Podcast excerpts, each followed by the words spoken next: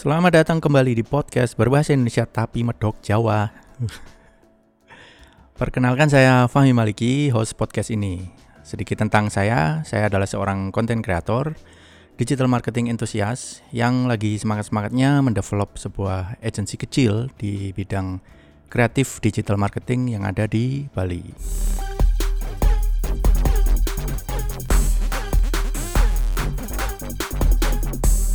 Oke, episode kedua. Aduh, nggak nyangka ini episode dua loh. Di episode satu itu iseng-iseng terus ternyata kok ya enak juga ngepodcast. Terus yang mendengarkan ya lumayan 600-an lebih orang. 700 lebih kayaknya sekarang. Makasih ya teman-teman yang sudah mendengarkan Oke, di episode kedua ini apa ya bahas udah sempat saya singgung itu di episode 1 judulnya adalah dari anak IT bergeser ke kreatif industry. Deng deng. Dulu ya nggak ada hubungannya IT dengan industri kreatif itu nggak ada hubungannya zaman dulu ya. Tapi ke sini ke sini semenjak dicanangkan industri 4.0 itu ya jadi gabung. Artinya orang-orang yang bergerak di industri kreatif itu harus sedikit mengerti tentang IT, yang nggak harus nggak harus ini ya nggak harus paham banget IT, tapi at least IT itu bisa di lebih diartikan teknologi sekarang ini. Terus um, begitu juga sebaliknya anak IT juga yang harus lebih kreatif sekarang kalau enggak ya tenggelam tenggelam. Kalah saing bro. Gitu. Jadi ya kita ngomongin zaman dulu ya jerninya jerninya gimana awal mulanya saya dari yang background IT tiba-tiba masuk ke industri kreatif. Masuk ke area 4.0 sih kalau sekarang ngomongnya ya. Oke, terus aku bahas uh, latar belakang IT ku ini ya, latar belakang dari kuliah. Nah, dari kuliah ini sebetulnya ya udah masuknya ke IT meskipun dari SD, SMP, SMA itu bukan siswa yang tergolong pinter. Kok malu ngomongnya ini? Bodoh, Bro, bodoh. Mendo kalau kalau bahasa Jawanya itu bodoh. Jadi dulu itu dari 46 murid satu kelas ya. Dulu SD-nya itu kan duduknya bertiga tuh satu meja, dempet-dempetan. Itu karena ya SD di deso, di desa, jadi ya jangan berharap banyak. Seadanya lah. Itu papan tulisnya itu kalau yang dihapus itu masih ada bekas-bekas tulisan yang kemarin-kemarin itu loh bro yang enggak apa sih nggak sempurna gitu loh penghapusnya aja juga dari apa sih? Seingatku itu dari gombal. Apa sih kayak kain pel-pelan kain bekas terus di apa diikat-ikat jadi penghapus gitu. Gitu. Kok ngomongin itu jadinya? Sebentar. Nah terus apa namanya? Jadi SD SMP SMA itu nggak nggak ada bakat-bakat pinter gitu loh. Nggak ada bakat-bakat mendo mendo nggak selalu juara lima besar dari belakang. Selalu lima besar dari belakang. Buru-buru lima besar ya. Tiga besar kayaknya bro. Ya jumlah murid 46 itu ya pernah. Di urutan 46 itu ya. Pernah sering malahan. Aduh ya Allah aib. Ya udah terus akhirnya singkat kata kan aku ngambil jurusan IT ngambil jurusan IT di Universitas Brawijaya di teknik komputer. Jadi zaman zaman dulu itu di fakultas MIPA-nya ya saya. Fakultas matematika dan IPA wah serem loh fakultasnya. Kalau lihat background SMA-nya gak punya prestasi apa-apa itu. Sebuah apa ya sebuah ke keajaiban dunia bisa masuk fakultas MIPA itu. Nah itu dulu ada dua jurusan. Satu adalah teknik info uh, apa ya teknik informatika kalau nggak salah ya. Teknik, teknik informatika dan satunya teknik komputer.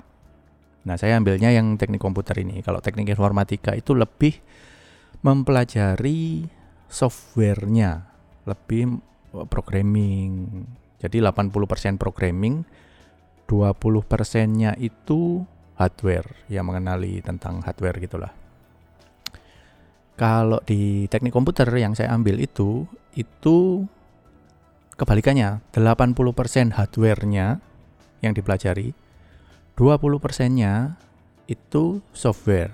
Jadi gimana cara mendevelop software terus dikasih bahasa pemrograman apa segala macam ya sama cuma porsinya yang beda di dua jurusan itu itu latar belakangnya terus kalau di teknik komputer itu ya mempelajarinya otomatis ya lebih ke hardwarenya perangkat kerasnya kalau di komputer itu ada jiwanya itu software dan raganya ya raganya itu ya ini uh, apa namanya perangkat kerasnya itu software eh, hardwarenya itu sorry Cie ibu kos lo datang.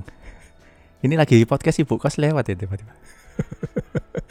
ketawanya kedengeran kan dari sini ya. Loh, eh lebih kenceng loh. Gila. Oke, dari mana tadi? Sorry. Ada gangguan. Itu deh, pokoknya uh, hardware mempelajari 80%, software 20%. Terus Habis itu karena sedikit lagi ya uh, di background saya karena seringnya banyak hardware yang saya pelajari mulai dari apa itu VSET. VSET itu adalah hmm, kalau nggak salah singkatannya Very Small Aperture Terminal. Itu kalau teman-teman bisa lihat di Indomaret, Alfamart atau ATM itu di atasnya kan ada kayak wajan penggorengan itu yang gede itu Nah, visetnya itu ada di ujungnya, ada di apa sih? Pentolannya kayak di parabola gitu, ada di pentolannya itu. Jadi itu tugasnya adalah sebagai terminal, sebagai penghubung eh, peng, penghubung untuk transmit data dan receive data di situ. Itu saya pelajari juga.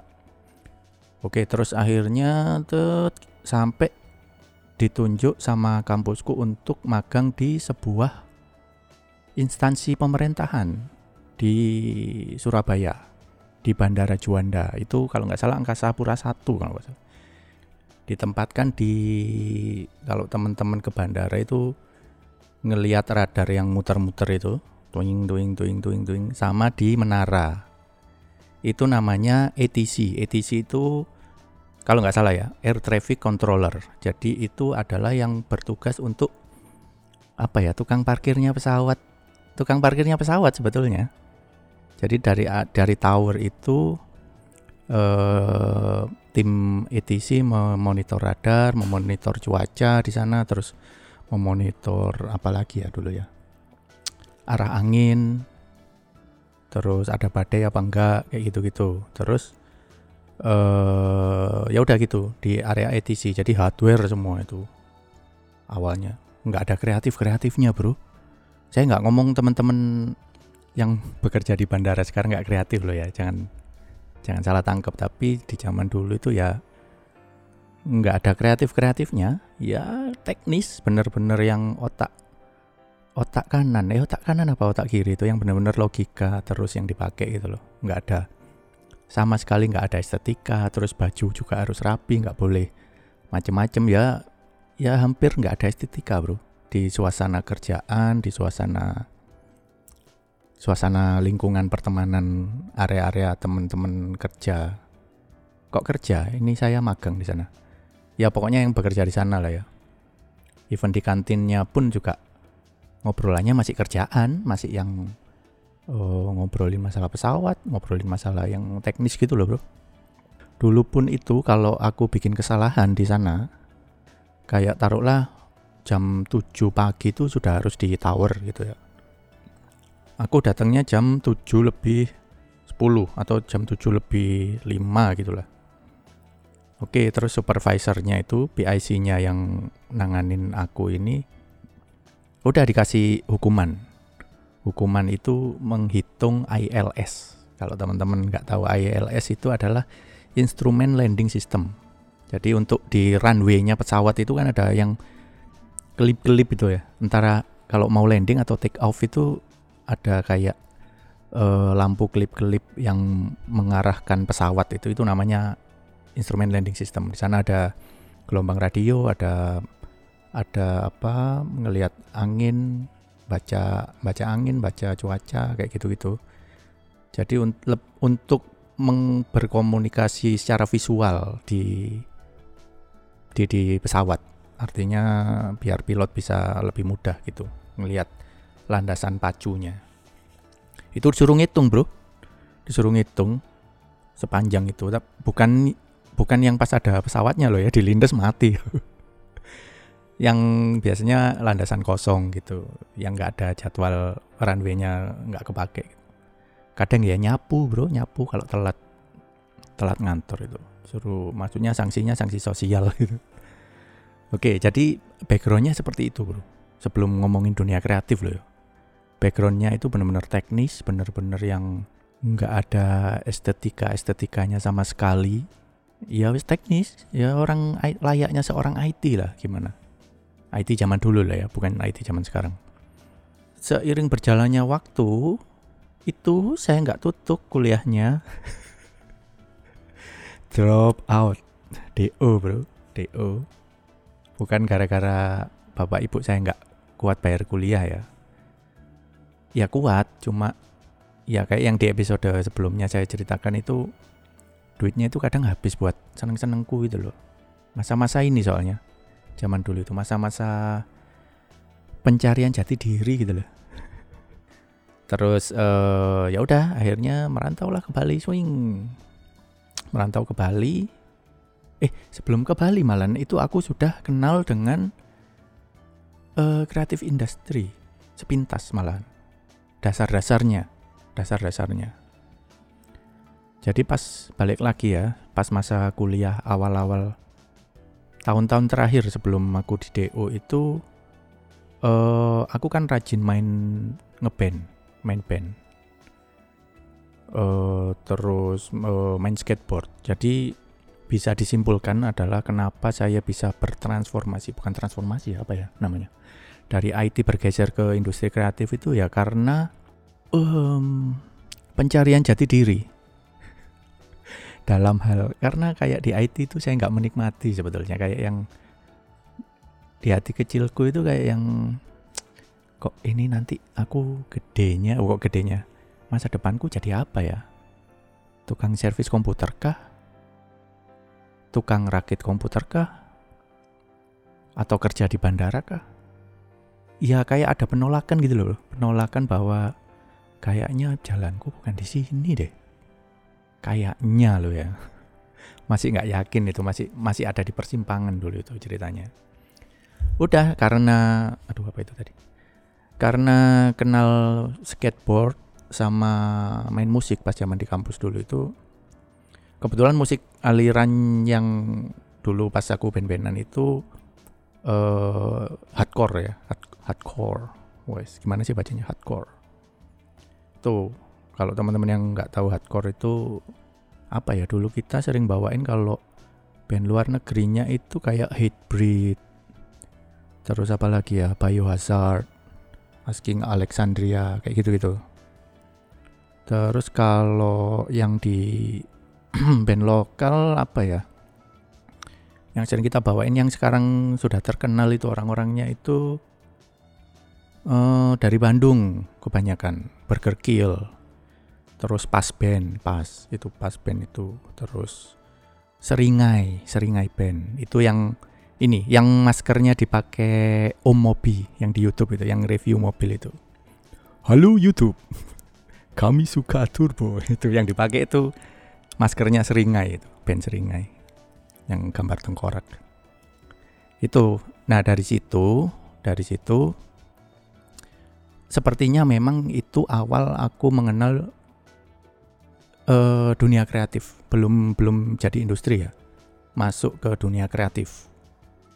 Nah jadi pas teman-teman uh, apa ya kayak mau ada acara apa gitu festival band di kampus atau acara anak pecinta alam atau apa gitu pasti larinya ke anak komputer. Nah, salahnya dulu itu orang-orang awam kalau melihat anak jurusan komputer itu adalah anak ini mengerti segalanya, mengerti semuanya tentang komputer. kan ya nggak gitu sebetulnya kan. Kan ada jurusannya masing-masing, komputer apa, komputer apa kan gitu. Itu tuabrak kabeh, tuabrak. Kamu ngerti, eh, kamu anak komputer ya, Mi? Ini dong uh, tolong benerin apa gitu. Benerin sampai dulu itu sempet disuruh reparasi TV bro. Kan TV itu kan ya hampir sama kayak komputer ada monitornya. Tapi kan ya sih lah bro. Nggak nggak ya nggak segitunya gitu loh. Itu terus akhirnya ada beberapa temen kamu kan anak komputer jurusan komputer. Ini kok bisa bikin pamflet nggak? Gitu. Lah kan aku bingung. Arti pamflet aja nggak tahu loh itu. Hah? Apa itu pamflet? Itu loh bro. Poster itu loh kalau poster sih ya sempet sempet tahu tahu sedikit gitu loh. Flyer flyer. Waduh apalagi flyer? Gak ngerti. Akhirnya setelah dijelaskan oh poster ukuran kecil gitu. Ya ya ya ya ya. Masih salah tangkap gitu terus akhirnya ya udah nyoba nyoba kan. Nyoba nyoba terus dari teman-teman band anak underground juga Mi kita mau ada gig di Semarang. Bikinin ini dong bikinin pamflet. Udah mulai ngerti nih ngomongnya pamflet flyer gitu udah mulai ngerti. Mau aku tempel di ini mading apa segala macam gitu gitu nah oh ya oke oke oke oke. Nah tantangannya adalah di kuliahku nggak diajarin. Dan di zaman dulu nyari literasi itu minta ampun masya Allah susahnya minta ampun. Nyari literasi loh nggak kayak sekarang Pengen belajar Photoshop, tutorialnya banyak di YouTube. Pingin beli Android atau iPhone gitu. Lihat reviewnya dulu, bagus mana apa enggak. Enggak kayak zaman dulu loh. Zaman dulu itu literasinya mentok-mentok itu itu mesin pencariannya itu masih Yahoo. Terus paling masuk ke Kaskus. Terus apa lagi ya dulu ya? Friendster. Friendster itu um, ada lah, ada beberapa grup Friendster kayak gitu yang membahas tentang niche yang sama ya, tentang ketertarikan yang sama. Gitu, terus akhirnya belajar lah aku, belajarnya dengan belajar dengan uh, literasi yang sangat terbatas di zaman itu ya. Oke, terus langsung gak ngerti kan, gak ngerti ngedit foto itu gimana, layouting itu gimana, itu nggak ada. Dasar-dasar estetika itu nol. Minus sama sekali pengetahuan nggak ada. Literasi juga nggak banyak. Terus buku-buku di zaman dulu itu ada Gunung Agung dan Gramedia ya. Ya paling sasarannya itu karena masih belum mampu beli buku paling yang lihat buku-buku yang sampulnya sudah plastiknya sudah dibuka gitu loh bro aku baca-baca gitu kan. Terus nyoba lagi literasi nyari internet. Dan internet zaman dahulu ya teman-teman. Sekedar tahu aja yang masa sekarang anak-anak masa gini zaman dulu itu internetnya itu sangat terbatas juga. Dari sisi koneksi dari sisi kecepatan dari sisi resource. Resource itu artinya penyedia penyedia artikel penyedia apa pun itu masih terbatas. Jadi ya wis seadanya di dimanfaatkan dan dipelajari sebisanya. Nah, terus akhirnya nyoba-nyoba nih, nyoba-nyoba pakai ngedesain pakai Microsoft Word. Microsoft Word bro buat ngedesain. Itu Windows-nya masih Windows versi 31. Seingat saya ya. Nah, di situ ada Microsoft Word itu masih gratis ya zaman dulu ya. Masih belum berbayar sampai kayak sekarang. Oke ngedesain pakai Microsoft Word. Jadi ya kan memang terbatas. Meskipun di zamannya itu adalah dia bisa insert foto itu bisa. Uh, bikin teks bisa. Ya basic-basic sih masih bisa. Jadi akhirnya aku bikin pamflet itu ya.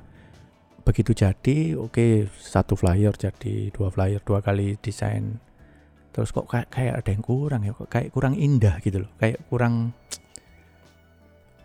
jiwa estetika-aku itu mulai melonjak menjerit-jerit gimana caranya biar font ini nggak kaku? Karena semakin lama kita lihat itu semakin kayak belajar gitu loh. Kita kepingin improve with ourselves kepingin improve dengan hasil karya kita gitu loh. Kalau yang tiap hari diulang-ulang gitu-gitu aja itu kan kayak apa ya bosen gitu loh bosen. Terus hurufnya kok gitu-gitu aja terus pemasangan foto juga yang ya segitu-gitu aja gitu loh bro. Karena ya satu sisi fitur belum mendukung dan satu sisi saya belum ada kemampuan yang yang yang membuat yang bagus. Akhirnya digalilah digalilah semakin dalam nih. Digalilah semakin dalam karena terbatas meskipun saya kuliah komputer ya dulu ya di kantor eh di kantor di kampus dulu itu komputernya masih terbatas. Jadi satu komputer itu kadang buat bertiga atau dibatasi nih satu satu komputer itu hanya boleh satu jam satu murid satu anak ya untuk di perpustakaan. Nah akhirnya di dekat kampus itu ada satu-satunya warnet di Malang dulu itu masih satu-satunya warnet di Malang. Saya lupa nama warnetnya itu, tapi saya sempat kerja di sana. Bukan kerja sih, numpang, numpang. Jadi ceritanya ini ngomongin warnet dulu ya.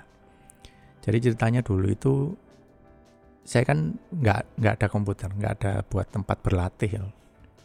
Akhirnya ya udah deh nyewa warnet, eh nyewa warnet, nyewa per jam lah di warnet itu. Sewa per jam, per jam, terus kan duitku habis bro. Maksudnya nggak terbatas duitku dulu itu. Terus akhirnya saking seringnya di sono bro saking seringnya di sono sama pak warnetnya saya masih ingat ya nama penjaganya itu Pak Muslimin. Tapi beliau sudah al almarhum sudah nggak ada. Itu sama Pak Muslimin gini loh mas sampean itu kuliah apa toh? Sampean itu kuliah apa sih mas? Teknik komputer pak Oh, mau ini bantuin saya jaga warnet. Oh, mau pak. Oh ya boleh deh. It, jam berapa aja masuk kuliahnya? Oh ya bisa diatur pak. Orang kuliahnya santai kok. Ya santai karena seling bolos aku. Itu terus akhirnya awalnya nggak ada tawaran seperti itu tapi karena saya sering di sana sampai larut malam bisa dikatakan larut malam bisa sampai pagi juga. Itu sam awalnya itu ya udah mas. Nggak usah bayar gitu. Karena saya se seringnya sana loh ya saya. Nggak usah bayar deh. Uh, tapi tolong nanti uh, bantuin saya bersih bersih ruangan ya mas gitu. Oh nggih pak. Ya ya ya ya. Boleh boleh. Dari situ dari situ yang bersihin meja, bersihin keyboard, terus matiin komputer yang nggak kepake, terus nyapu, nyapu nyapu, nyapu pekarangan, ya kok pekarangan apa? Tempat parkirnya itu, terus ngepel, ya yes, pokoknya semua tak lakukan biar aku bisa di warnet gimana caranya, itu bisa main komputer aja, bisa mengeksplor segala macam kayak gitu gitu. Bekerjalah saya menjadi penjaga warnet di Malang. Dari situ, dari penjaga warnet, akhirnya kan sering bisa dapat akses internet kan aku. Akhirnya mem memperbanyak literasi dari desain, dari referensi para pelaku dunia kreatif zaman itu ya. Aku lihat kok bagus-bagus, gimana caranya bikin. Akhirnya mengerucut nih mengerucut membawa saya itu untuk belajar Photoshop. Sebelum Photoshop itu aku pakai Word Art kalau teman-teman masih zamannya. Jadi Word Art itu bisa uh, fontnya itu bisa di apa ya di lekuk-lekuk dikasih kayak bintang-bintang gitu. Tapi masih cupu, masih masih deso gitu. Nah, kalau teman-teman lihat kalau teman-teman yang bekerja di instansi ngelihat hasil desainnya HRD atau uh, apa hasil saya saya nggak berusaha menjelekkan ya tapi ya tipikal seperti itulah. Yang ada di mading-mading kantin karyawan itu biasanya kan desain-desainnya HRD pengumuman oh hari ini hari, uh, tanggal 21 sampai ini libur karena hari raya ini ini ini. Itu biasanya kan HRD itu yang bikin. Ya kayak gitu gitulah bro. Sesimpel itu di zaman dulu itu kemampuanku terus akhirnya mengerucut membawa aku harus be belajar Photoshop. Photoshop yang saya kenal itu Photoshop versi 5.0 itu ikonnya itu masih yang masih cupu bro masih cupu. Karena ya hardwarenya juga nggak menunjang zaman dulu itu. Monitornya itu masih CGA masih yang 16 warna gitu loh. Kalau sekarang kan million billion color kan sekarang. 4K lah 8K sekarang malah. Zaman dulu itu masih 16 warna. Ada 16 warna. Jadi kalau uh, ngegambar ya gabungan dari 16 warna itu bro. Yang yang muncul yang muncul nantinya. Terus resolusinya itu masih yang 300 kali 200 pixel kalau nggak salah. 320 kali 200 pixel itu kalau teman-teman lihat lihat bokep yang format 3GP ya segitu. Pecah-pecah gitu. Kayak gitu deh warnanya nggak kaya terus yang burem gitu. Ya gitu zaman dulu karena masih VGA ya belum uh, sistemnya masih uh, VGA video graphic adapter itu masih yang belum ada HDMI belum ada RGB pun eh RGB kalau nggak salah dulu lupa saya. Ya pokoknya gitulah. Uh, mengerucut ke Photoshop. Terus mengenal caranya ngecrop foto gimana caranya gabungin uh, saya kenal layer di sana layer-layer bekerja dengan layer kenal di sana. Menggabungkan teks dengan apa uh, foto transparansi layer kayak gitu-gitu deh. Akhirnya kenal dari sana belajar belajar belajar belajar. Berusaha mastering di sana terus akhirnya ya udah berasa master gitu. Zaman dulu ya sombong. Cuma kemampuan segitu biasanya kan kalau orang-orang yang baru bisa gitu kan udah yang kayak mentang-mentang gitu biasanya. Ya termasuk saya dulu itu. Jadi kayak udah tahu segalanya aja. Terus ya udah mulai deh ngambil ngambil job sana sini tentang ayo pak ngedit ngedit foto. Meskipun uh, era fotografi itu masih belum loh ya. Tapi kayak ya kelulusan kelulusan pas foto bikin gitu-gitu. Zaman dulu itu foto kurang cerah kita scan dulu terus kita cerahkan di kita edit di Photoshop. Ya kayak gitu-gitu deh. Terus udah lama lama akhirnya kan berasa berasa pinter sendiri gitu loh zaman dulu itu. Sok-sokan. Padahal masih belum masih sabuk putih tapi sudah ya sabuk putih tapi sudah melewati beberapa level itu udah berasa sabuk hitam. Ya wajar tiap orang itu pasti ada fase kayak gitu. Mengetahui sedikit tapi berlagak kayak tahu banyak gitu loh. Pasti pernah ngelewatin lah semuanya. Nah terus habis itu mau pamit ini pamit keluar dari warnet. Karena aku drop out dari kampus dapat surat itu suratnya suratnya pun itu nggak nggak aku sampein ke rumah nggak sampein ke rumah takut bapak ibuku bukan takut dimarahin ya kalau dimarahin itu udah udah kebal aku kalau zaman dulu itu kan nggak kayak orang tua zaman sekarang main fisik. ya kayak gitu lah, nggak nggak nggak ada dendam juga sih buat bapak ibu. Justru berterima kasih aku bisa apa ya bikin mental kayak sekarang. Gitu. Pamit, oh, Pak, saya gini akhirnya curhat aku ke Pak Muslimin itu Pak. Saya mau keluar karena saya dikeluarkan dari kampus karena saya sering bolos. Ya oh gara-gara warnet ya mas ini waduh gimana ini mas ini saya bisa bantu apa gitu udah jadi kayak orang tua kedua itu Pak Muslimin dulu itu. terus habis itu udah terus dikenalin ke anaknya bro wah ini ceritanya merembet ke mana-mana anaknya cowok antik zaman dulu itu waduh cantik nggak usah sebut nama ya takut saya Nah, pakai jilbab gitu loh. Karena Pak Muslimin juga taat orangnya. Karena pakai jilbab terus oh cantik, cantik terus saya mau bohai kan neneknya gede. Udahlah. Sempat saya pacarin 6 bulan gitu kalau nggak salah. 6 bulan itu juga ya aku pamitin aku mau ke Bali gitu. Aku mau ke Bali terus LDR-an ya lah LDR ya pokoknya aku mau ke Bali gitu kan. Aku mau ke Bali terus pamit. Sudah kita putus saja. Ku menangis membayangkan. Enggak lah pokoknya singkat cerita itu udah selesai uh, soalnya kontek-kontekan zaman dulu itu kan ya susah nggak nggak kayak zaman sekarang ada handphone ada video call gitu kan ya enggak enggak ada kayak gitu.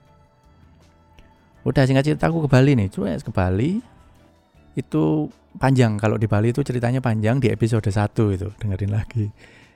Loncat ya loncat. Balik lagi ke dunia kreatif. Di Bali meneruskan setelah empat tahun ya. Empat tahun itu ketemulah saya bekerja di graphic designer as a graphic designer sebuah perusahaan gitu oke akhirnya aku nginget-ngingetin lagi kan oh dulu aku pernah berapa tahun dulu aku pernah belajar Photoshop. Itu Photoshopnya udah versi 7. Udah banyak perkembangan. 7.0. Apa 8.0 lupa. Itu masih basis Windows. Editing foto kayak gitu-gitu tetap dilakukan editing foto untuk nyetak brosur, nyetak menu restoran, nyetak poster, baliho, terus bikin layout, macam-macam lah. Pokoknya mulai masuk ke jadi industri sekarang ini. Karena mendatangkan duit buat saya. Masuk ke industri kreatif. Ya udah tantangannya itu mulai kenal uh, karena masalah kerjaan ya kalau di kerjaan itu kan kita dikasih problem gimana cara kita solve the problem ya kan? Nah pada saat itu dulu aku gambar vektor. Aku kan nggak bisa gambar nih orangnya. Freehand itu nggak bisa. Jadi semua itu pakai mouse pakai pakai bantuan masih nggak bisa yang benar-benar freehand gitu nggak bisa. Akhirnya kenal di sana untuk bikin vektor kalau vektor kalau nggak kepingin nggak berat jangan di Photoshop bro. Tapi di Corel. Hmm, di forum ngomong seperti itu. Oke belajar Corel. Karena udah ada udah ada fasilitasnya nih. Fasilitas kantor itu pakai buat belajar. Dan nggak apa-apa nggak apa-apa sama jadi aku sering lembur itu ya karena lembur belajar. Deadline-nya juga nggak nggak sekenceng kalau yang sekarang ini. Karena ya gajinya berapa sih zaman dulu. Itu belajar Corel belajar dulu ada namanya Macromedia Freehand. Itu hampir sama kayak Corel. Terus ketemu belajar lagi Adobe Illustrator. Itu hampir sama kayak Corel hampir sama kayak freehand. Terus akhirnya makin ke sini Corel mulai hilang apalagi pas begitu aku masuk ke ekosistem Apple ya. Corel nggak ada di Apple akhirnya memaksa saya untuk belajar uh, Macromedia Freehand dan Adobe Illustrator gitu terus udah dari situ mulai menghasilkan duit bikin vektor, bikin ya yes, kayak gitu-gitu bikin logo, kayak gitu-gitu. Mulai mendatangkan duit. Jadi akhirnya oh ini yang namanya masuk ke industri kreatif nih. Udah masuk jebret. Nah, terus sampai terus belajar ke animasi. Dulu itu ada namanya Macromedia Flash. Sebelum dibeli Adobe juga. Sekarang kan namanya Adobe Flash. Kalau dulu namanya Macromedia Flash itu bikin animasi tadi ya foto bisa digerakin bisa interaktif uh, interaktif klik gitu ya pada saat kita klik terus dia bisa interaksi gitu loh terus uh, ketemu klien. Kan biasa lah ya kalau anak graphic designer yang ikut sebuah perusahaan itu nggak menutup kemungkinan dia itu punya side job. Nggak menutup kemungkinan. Makanya di perusahaan saya yang saya bangun ini saya nggak batasi juga tim saya untuk nyari ceperan. Asal main jobnya jangan ditinggal nggak apa-apa. Karena memang habitnya seperti itu graphic designer. Dari turun temurun seperti itu pas pada saat senggang saya nerima freelance adalah tawaran Mi bisa nggak bikin web design? Nah ini tantangan baru ini. Oke. Padahal ya nggak bisa. Oke bisa pak. Wis bisa tok ayo wis. Gaspol bisa pak. Oh ya kayak gini Mi ya. Belas gak ngerti bro HTML itu apa? Di brief sama klien itu kan. Nanti HTML-nya gini mas. Gini gini gini gini bla bla bla bla. Untungnya masih sederhana dulu itu. Masih based on bahasa pemrogramannya. Masih HTML dulu itu. Belum yang kayak sekarang. Terus ya oke oke oke pak. Bisa bisa. Udahlah mulai belajar lagi tuh bro. Berapa mas? Uh, apa? Uh, bukan duitnya ya berapa waktu yang dibutuhkan buat ngerjain project kayak ini? Kayak company profile web gitu loh bro. Dulu masih yang manual nggak ada Wix nggak ada apa ya yang instan instan itu nggak ada wis manual KB manual semua. Uh, kasih waktu saya sebulan pak oh ya boleh boleh. Sebulan ya? Ya. Terus dicas berapa ini mas saya? Waduh ini dung dung dung nanti yang upload biar saya sendiri. Untungnya orangnya ngerti teknis untungnya. Uh, nanti yang upload kasih saya filenya aja. Nanti yang setting ke server biar saya. Kalau setting server saya mengerti lah teknis soalnya kan. Di background saya juga teknis. Nah terus akhirnya aku menyiasatinya adalah dalam satu bulan itu gimana caranya satu minggu pertama itu aku nggak ngerjain apa-apa dulu tapi belajar mastering mastering that project. Mastering gimana cara develop web itu seperti apa sih? Aku kasih deadline diriku sendiri itu satu minggu. Tiga minggunya adalah untuk pengerjaannya.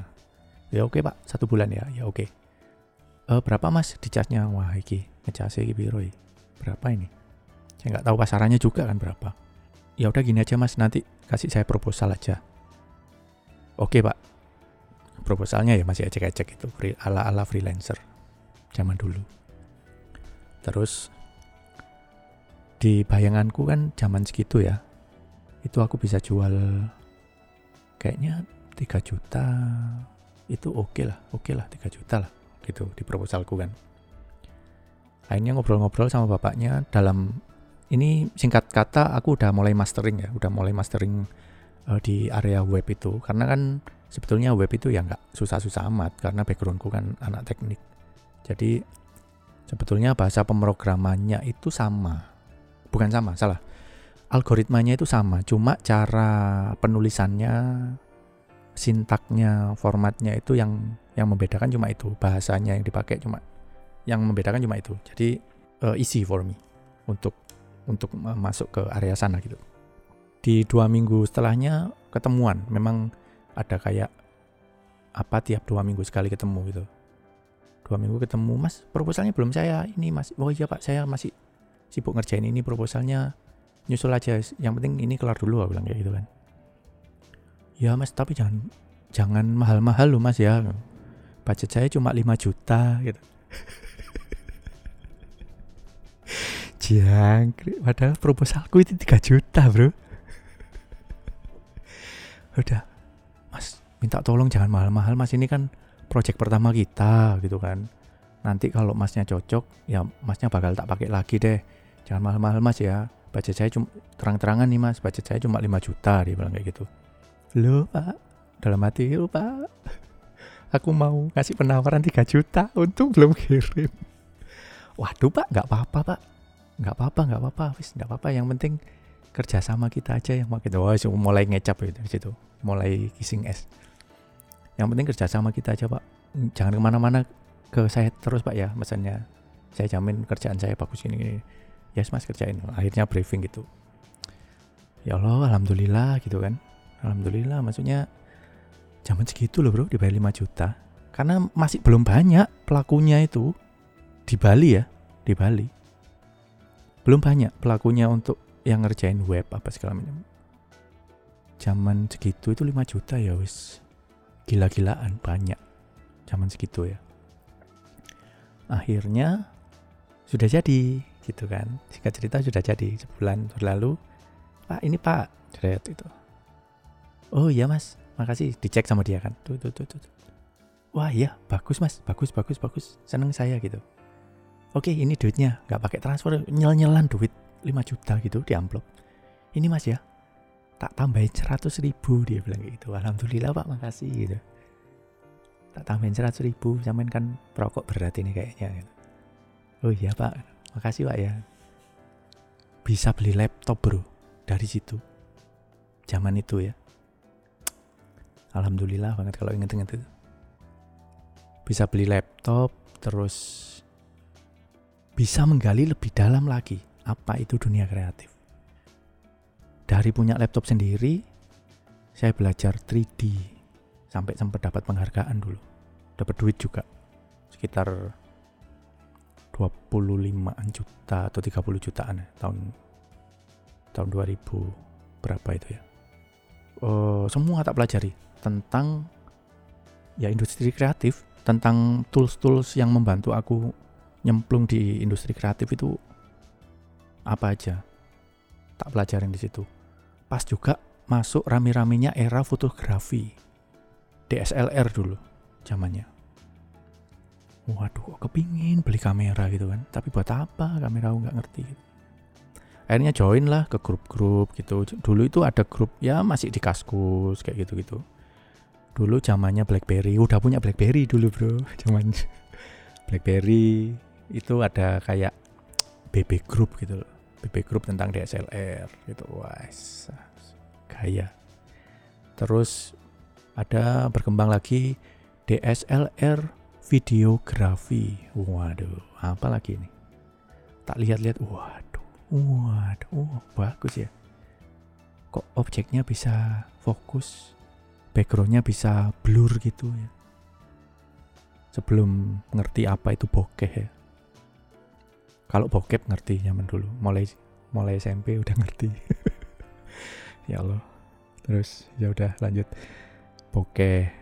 Terus wah wih lensanya bisa copot-copot gitu terus belajar itu kamera movement itu apa panning tilting udah deh semakin berkembang berkembang dan mencanangkan diri saya adalah benar-benar di full kreatif industry full timer kreatif industry yang bekerja di kreatif industry gitu maksudnya. Benar-benar full timer. Saya mencanangkan diri. Jadi semuanya yang berhubungan dengan kreatif industri tak belani mati-matian bro. Gimana caranya dapat gimana cara dapat toolsnya, gimana caranya dapat gadgetnya, gimana cara mendapatkan apa ya, mulai dari kamera apa benar-benar nabung, benar-benar yang punya arah gitu loh jadinya. Seumur hidup itu baru kali itu aku kayak merasa aku punya arah gitu. Arahku ke sana aku mau beli kamera. Aku harus nabung ini ini ini ini aku harus nyari job at least sebulan itu harus berpendapatan sekian juta gitu. Zaman berdarah-darah untuk untuk membeli sebuah gadget itu benar-benar yang perjuangannya gila pokoknya. Sampailah ke sini. Nah kayaknya ini habitku kebawa kebawa ke perusahaanku yang aku bangun sekarang ini. Jadi kayak apa ya kalau ada goals itu benar-benar yang benar-benar menuju satu titik gitu loh. Berhubung sekarang uh, di saya bergerak di dunia agency artinya kalau di agency itu kan kliennya nggak cuma satu. Tipikal desain juga nggak cuma satu. Gaya pewarnaan juga nggak cuma satu. Jadi memang ya titik-titiknya ini banyak banget arah tujuan-tujuannya ini tapi kan ya makanya itu saya membangun tim sebagai perpanjangan tangan uh, pemikiran dan tenaga saya kebawa sampai sekarang di industri kreatif. Jadi saya saya tetap memanfaatkan background IT saya digabung dengan apa yang saya pelajari sendiri di area kreatif ini. Itu kita gabung, alhamdulillah di 4.0 ini dicanangkan adalah yaitu tadi industri kreatif yang didukung oleh perkembangan teknologi. Wah ini pas ini alhamdulillah kok jalanku ya bisa bisa cocok gitu loh alhamdulillah ini. Ya memang apa ya kalau ngomongin Tuhan itu kadang mereka Tuhan itu ngasih jalan itu kayak misteri gitu loh. Tiba-tiba yang nggak kita anggap rezeki itu tiba-tiba jadi sebuah berkah jadi rezeki. Yang nggak kita perkirakan nggak kita rencanakan tiba-tiba dikasih kayak gitu gitu kan. Ya misteri. Ada yang disyukurin ada yang ya kita syukurin aja lah. Kadang kalau kita nggak nerima ya nggak nerima dengan jalannya yang dikasih Tuhan ya kadang kita komplain. Komplain komplain sendiri. Tapi sebetulnya kan ya the reason behind Tuhan ngasih itu kan ada sebetulnya. Ya udah aku berusaha belajar ngikutin apa yang dikasih Tuhan aja. Aku ngik dalam hatiku sih tak tanemin seperti itu biar maksudnya lebih ikhlas menjalankan sesuatu gitu. Ini kayaknya udah kepanjangan ini hampir berapa sih ini? Ya udah. Ya udah akhirnya kesimpulannya itu apa ini? Podcast lagi-lagi masih belajar ya. Masih kalau masih kelantur maafkan saya. Karena meskipun udah mulai aku bikin kerangka-kerangka apa yang diobrolin tapi masih ngalor ngidul maafkan jadi mungkin kesimpulannya itu adalah apa? Apa? Nggak ada kayaknya. Nggak nggak. Mungkin sekedar pesen kali ya pesen. Artinya buat teman-teman yang apa ya yang ada di industri kreatif sekarang yang berawal dari dulu juga maksudnya yang belum ada di level yang menyenangkan bagi teman-teman ya harap bersabar. Karena ya semuanya ada proses gitu bro. Saya pun juga melewati proses. Tapi gimana caranya kita menikmati proses itu seperti apa gitu loh? Sampai ke tujuan yang benar-benar kita mau. Ya kadang jalannya mulus ada yang dapat jalannya mulus ada yang dapat jalannya makadam. Tapi ya dinikmati aja. Yang penting kita nyampe tujuan kita gitu loh.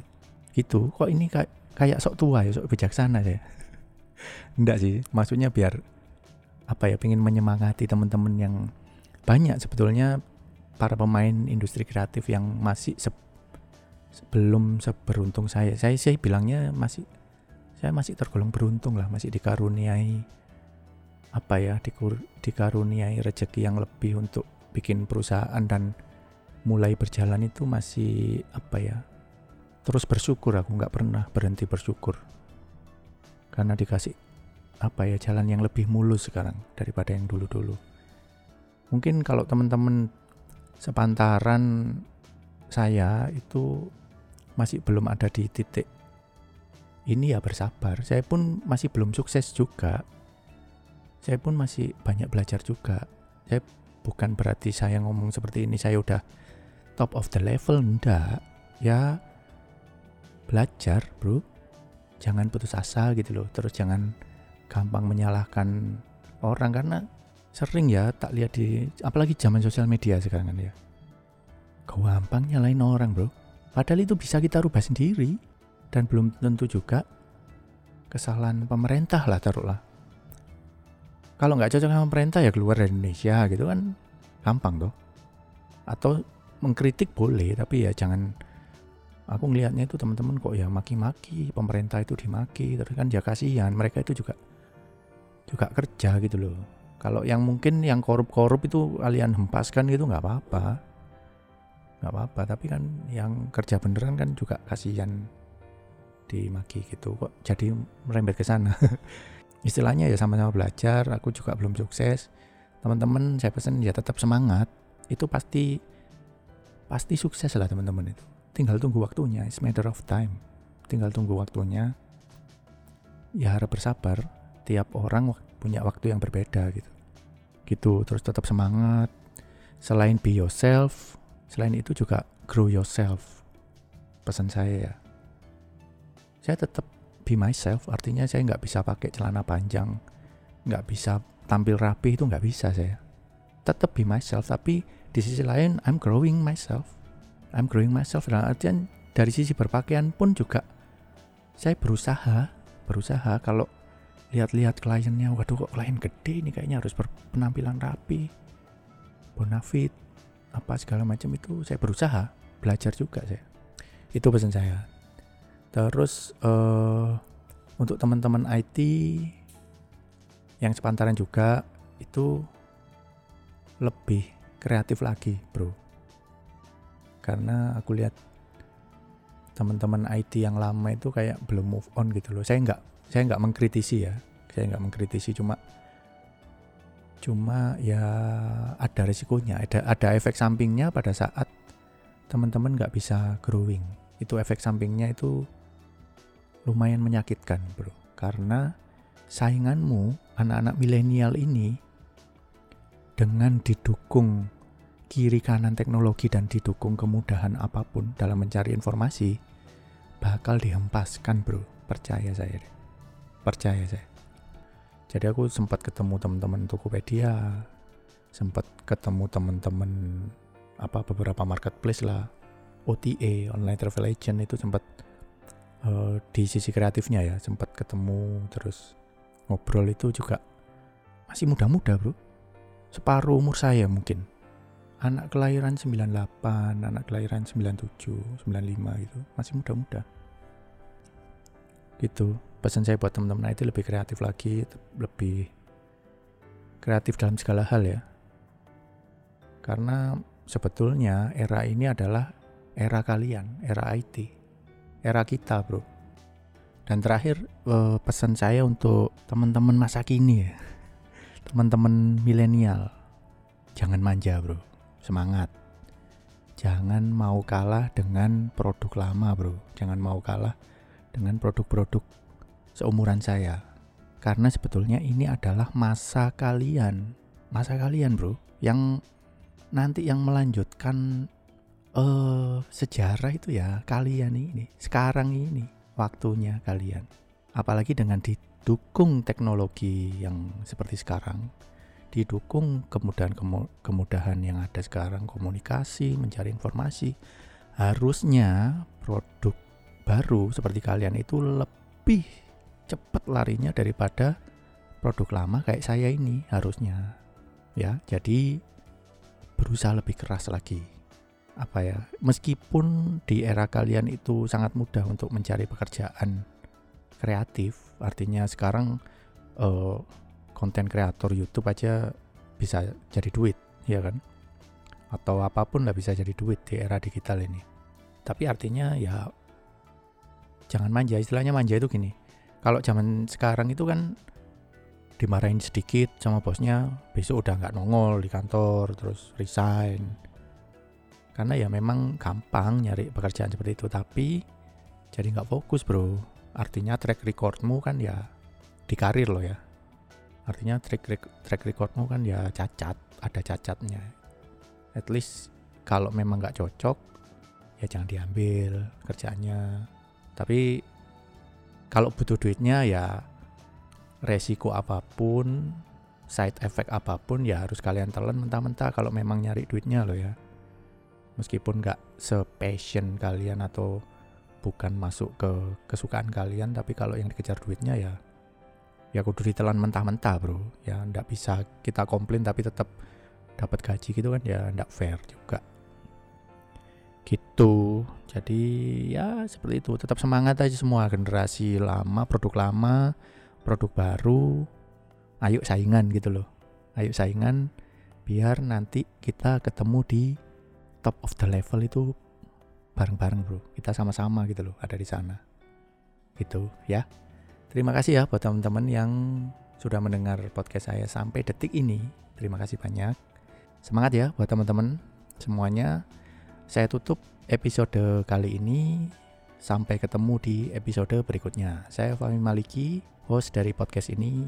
Goodbye.